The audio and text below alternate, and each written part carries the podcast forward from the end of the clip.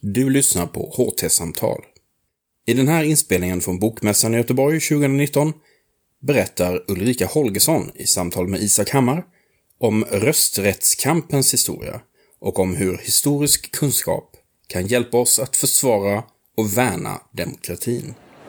Ja, då så fortsätter vi programmet här i eh, Lunds universitets monter eh, genom att hälsa Ulrika Holgersson välkommen hit. Eh, vi ska prata om boken eh, Rösträttens århundrade, kampen, utvecklingen och framtiden för demokratin i Sverige, som du har varit redaktör för tillsammans med Lena Wegnerud.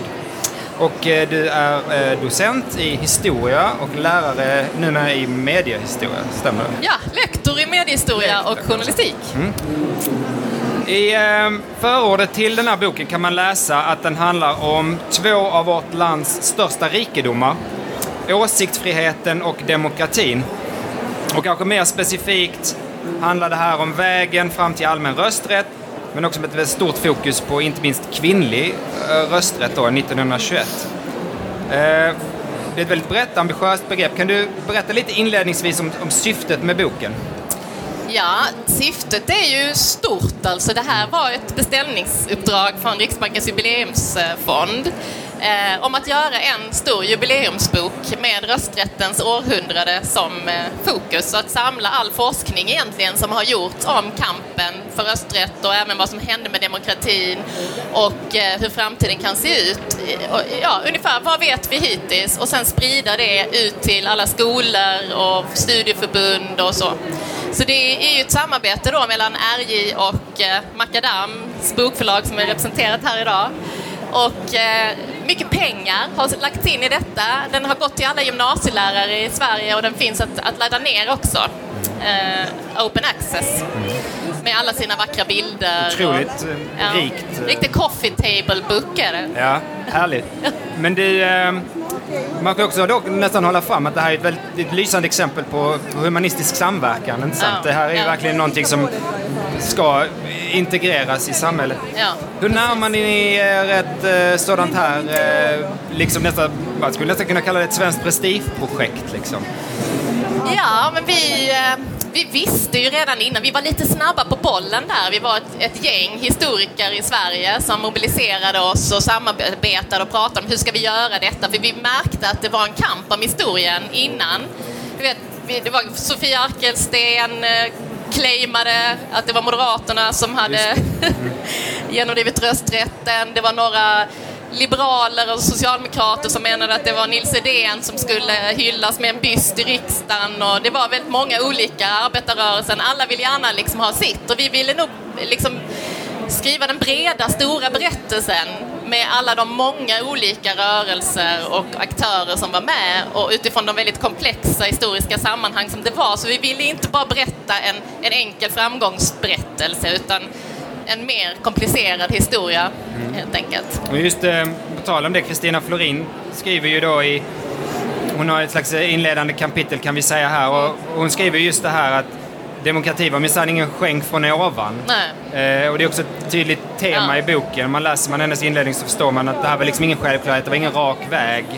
Eh, vad kan man lyfta fram, tycker du, som de viktigaste hållpunkterna på den här brokiga och eh, hotade vägen, så att säga? Ja, eh, man kan ju börja med att säga att det, var, det var inte, det fanns ju inget facit för de som var med. Så att det var ju en tid som var, som hon också skriver om, en väldigt turbulent tid med stora samhällsförändringar, med urbanisering, storbolagsutveckling, jordbrukets utveckling och sen då på det revolutioner, unionsupplösning, emigration, världskrig, alltså enormt många samhällsprocesser som pågick som skapade väldigt mycket visioner och drömmar bland människor och som, som, så att man måste, dels måste man förstå hela den komplexa eh, bakgrunden. Men sen, eh, jag vet inte hur, hur noga vi ska vara med detta, men, men eh, det är också så att det är viktigt att få in kvinnorna här och det har kanske varit en, en eh, nu i dessa dagar när det pratas väldigt mycket om att, vi att kvinnor inte, jag hörde bara senast häromdagen att det var diskussion om att kvinnor sållas bort ur litteraturkanon och så vidare. Här precis samma sak, att det var viktigt att det här var en samhällsprocess där verkligen kvinnorna fanns med och då var det viktigt att, att också se till att de fick den plats de förtjänade. Ni har ju mm, omkring 20 Ja. bidrag i den här boken. Det är en otrolig liksom, bredd och många infallsvinklar. Ska vi, ska vi försöka ge liksom, prov på någonting Ja. bara för att visa liksom, på bredden det här? Ja, kläder till Kläder, exempel. ja. Mm. Ja, några konstvetare, Linda Fagerström och Marie, Maria Karlgren, har skrivit om eh, hur viktigt det var för kvinnorna att klä sig på ett sätt som gjorde att de kunde bli uppfattade som politiska trovärdiga subjekt. För det var ju så vid den här tiden att, att kvinnor kunde lätt bli uppfattade som alltför manhaftiga om de, om de pratade politik eftersom det var en bild som inte gick eh, liksom i linje med hur en kvinna skulle vara. Så därför så brukar de klä sig enligt eh, rösträttskvinnorna efter det absolut senaste prismodet. Eh, för att ingen skulle liksom, väldigt propert, väldigt så här, eh, och med sina hattar, kommer ni ihåg också, det är väldigt känt. Eller så kanske de hade väldigt manliga kläder, man kunde också ta männens eh, eh, eh kläder, klädesattribut, slipsar och så. Eller reformdräkt som Ellen Key. Det är ett perspektiv. Sen har vi demonstrationsfrihetens historia, också väldigt intressant ny forskning, för det är väldigt få som vet det, att vi i Sverige inte hade demonstrationsfrihet ordentligt ens fram till att vi fick rösträtten. Eh, vilket gjorde att, att eh, det blev också väldigt svårt att, att, att bedriva rösträttskamp. Arbetarrörelsens ledare fick ju ibland finns en rolig anekdot om August Palm som ger sig ut på landsvägen. Han sätter en annons i tidningen och säger att eh, han ska på en morgonpromenad och undrar om någon vill följa med honom. och då är det för att man, han, det var väl, alltså inte tillåtet att samlas på en offentlig plats och röra sig i gaturummet med ett politiskt budskap. Eh, man behövde tillstånd och fanns det någon som helst eh, eh farhåga att man sårade sedlighet eller allmän ordning så fick man inte tillstånd och många socialdemokrater fick inte det. Så att eh, det är inte bara själva rösträtten utan också alla de andra rättigheterna som vi måste diskutera som du var inne på innan. Ja, det var några grejer. Det var några, är det någon ja, mer vi, eh, eh, ja, så det är dels det här innan rösträtten. Det är också med revolutionen. Hur nära var vi revolution, arbetarrörelsens eh, eh, syn. Sen under hela den tiden som vi har haft rösträtt. Vi har alltså tre kapitel. Ett är kampen för rösträtten. Ett är utvecklingen efter att vi fick rösträtt i 100 år och sen framtiden. Och under utvecklingskapitlet så har vi ju till exempel det här med rösträttsstrecken som är väldigt intressant som det pågår forskning om nu. Annika som sitter här är en av dem som bedriver det. Alltså att, att man ska inte tro att bara för att vi fick den här första allmänna lika rösträtten inom citationstecken, att alla människor fick vara med. Det var långt ifrån så. Det fanns eh, skattestreck, man var tvungen att betala skatt de senaste tre år, ett av de senaste tre åren. Man fick inte vara straff, alltså ha fått straff, straffpåföljd, sitta i fängelse. Eh, man fick inte uppta fattigvårdsunderstöd och det var ju för att man menade att om du inte kan sköta din egen ekonomi kan du inte bestämma om landets ekonomi till exempel. Så där har vi en väldigt intressant bit. Ehm, Eh, Sen så när, vi, när det gäller framtiden kommer vi in på demokratin eh, och EU till exempel, men också den utvecklingen som ni var inne på här med Claes-Göran alldeles nyligen om, om eh, de nya politiska skiljelinjerna som finns i demokratin idag. Om, med den gamla skiljelinjen mellan kapitalism och, och eh, arbete, eller kapital och arbete som nu också har fått den här andra dimensionen eh, Galtan, alltså det gröna alternativ, alternativa li, libertarianska gentemot det, det eh, traditionella auktoritära nationella. Så att där är många. Mm. Sen, sen avslutar vi också, det kan vi återkomma till sen tänker jag, om en, en diskussion om demokratins eh, roll i världen idag, ett Ja. globalt perspektiv. Ja, men det vill, jag komma tillbaka till. Ja. Men, men det är lite, men sen får man ju läsa boken också. Vi kan inte Ja. ge... Vi kan inte, Nej, vi kan det, det är en väldigt, väldigt rik bok. Jag tänker, en, ett, ett intressant tema som ni mejslar ut lite i eh, inledningen är det ju här, det, det komplexa. Att Ja. eh, ni, att just att inte försöka renodla eller säga det här var en rak linje eller så, eller Mm. bara en aktörsgrupp eller bara en struktur. Utan här, allting hänger ihop på ett Mm. väldigt bra sätt. Jag tänker just ditt eget bidrag är ett väldigt ett lysande exempel på det. Va? Att, eh, eh, du, och dessutom så får, blir det väldigt intressant när du jämför då, då och nu. Du kan säga, man kan säga att du kartlägger då de historiska aktörernas kampmetoder som både sammanhållet och lite så symbiotiskt mediesystem. Kan du förklara det? otroligt spännande. Ja, alltså medier, om vi ser det lite bredare än bara liksom, pressen, mm. kan det vara alla sorters möten, sammankomster, eh, artefakter eller ja, nålar eller vimplar eller affischer eller skrifter då liksom. Och de hänger i sin tur ihop. Och eh, för eh, över hundra år sedan så var i och för sig det är väldigt viktigt att, att, att möta människor. Vi hade inte samma, vi hade inte, det fanns inte tv som kunde knyta ihop alla människor samtidigt. Och, eh, så pressen var viktig och mänskliga möten var viktiga. Så man kan säga att till exempel den svenska stambanan var oerhört viktig för rösträtten. Det fanns liksom inte en enda håla i hela Sverige som inte en rösträttskvinna eller en arbetaragitator eller liberal agitator hade besökt via järnvägen fanns också en kvinna som till exempel hade en, en häst som hette Rösträttskampen som, som åkte runt till 190 ställen. Och så, här. så enormt uppsökande. Eh, men också liksom alla sorters liksom, rösträttsnålar som visade att, att, att du, du och jag står på samma sida för det kunde vara väldigt kontroversiellt. Liksom.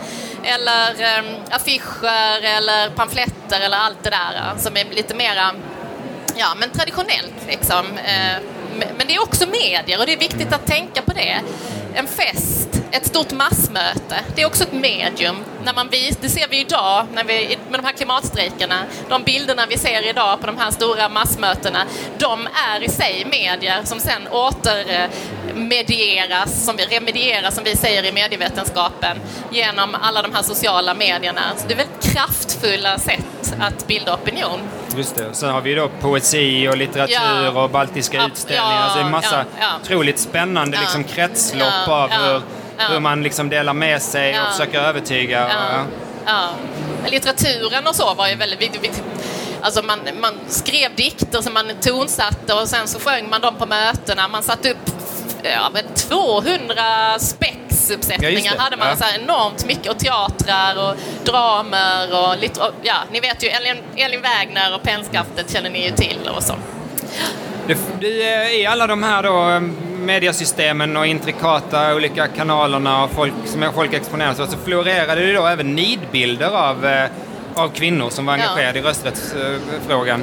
Hur såg den här nidbilden ut och hur bemöttes den? Du var inne lite på det med kläderna, att man var tvungen att vara liksom Ja, alltså väldigt ofta som manhaftiga och liksom grova och osexiga fick ju de här kvinnorna ofta vara.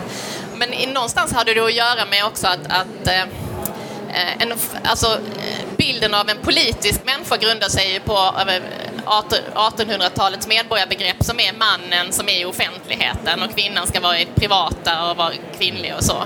så att, och sen kvinnor som var i det offentliga på 1800-talet ju, kunde ju bli eh, ifrågasatta för att vara prostituerade. Så den gränsen att gå över den var väldigt känslig.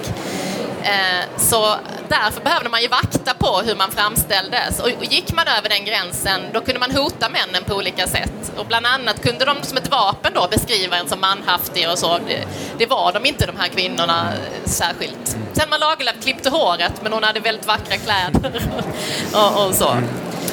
Vi eh, tänker vi, tiden, vi har så mycket att prata om här, men jag tänker vi ska komma tillbaks till ja. det du sa, vad, liksom, var den här boken landar idag. Och, och ja. Ni låter ju då en del av författarna skriva om samtid och framtid, men och du skriver även också i ditt eh, ganska ja. oroande egentligen om vad du ser som en utveckling inom nyhetsrapporteringen och hur ska vi göra? Vad ska vi tänka kring det här? Vad landar ni för tid? Vad ska vi göra med den historiska kunskapen om detta, tycker du? Ja, men kunskap om mediehistoria är ju, och historia är ju oerhört viktig, och framförallt idag när vi lever i den här väldigt osäkra tiden.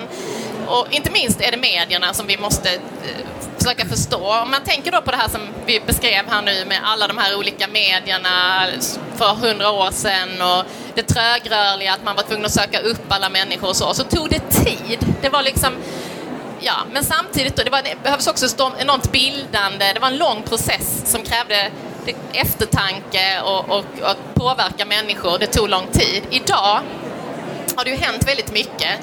Eh, Först hade vi ju tv-åldern och då, då plötsligt så kunde man koppla ihop människor i realtid och liksom få ut politiska budskap i debatter till alla runt om i Sverige. Men på den tiden kunde ju människorna bara sitta i sina tv-soffor och liksom inte precis reagera på samma sätt som vi kan idag. Idag kan vi ge en direkt reaktion. Så fort en politiker gör ett utspel så kan vi klicka på Facebook eller Twitter och så kan man väldigt, väldigt snabbt skapa en opinion kring en politisk fråga. Och det kan ju vara, det kan vara väldigt positivt på många sätt. Vi har sett det med metoo, vi, vi ser det nu med hela klimatrörelsen. Det är ju en, en fantastisk demokratisering eh, på många, många sätt. Men samtidigt då, när detta också kan ses i ljuset av till exempel pressen, tidningspressens försvagning med, på grund av den digitala utvecklingen. Eh, eller eh, ja, till exempel det här att, att, att det styrs av klick, en slags, som vi säger, klickonomi, att man måste klicka på nyheter och det ska, finns sådana mekanismer med algoritmer och så som gör att eh, budskapen blir väldigt eh, eh, medial, eller känsliga för mediala logiker. Vi har en annan kollega här, Mia-Marie mm. Hammarlin, som skriver om skandaler i media. Det är också väldigt typiskt för idag.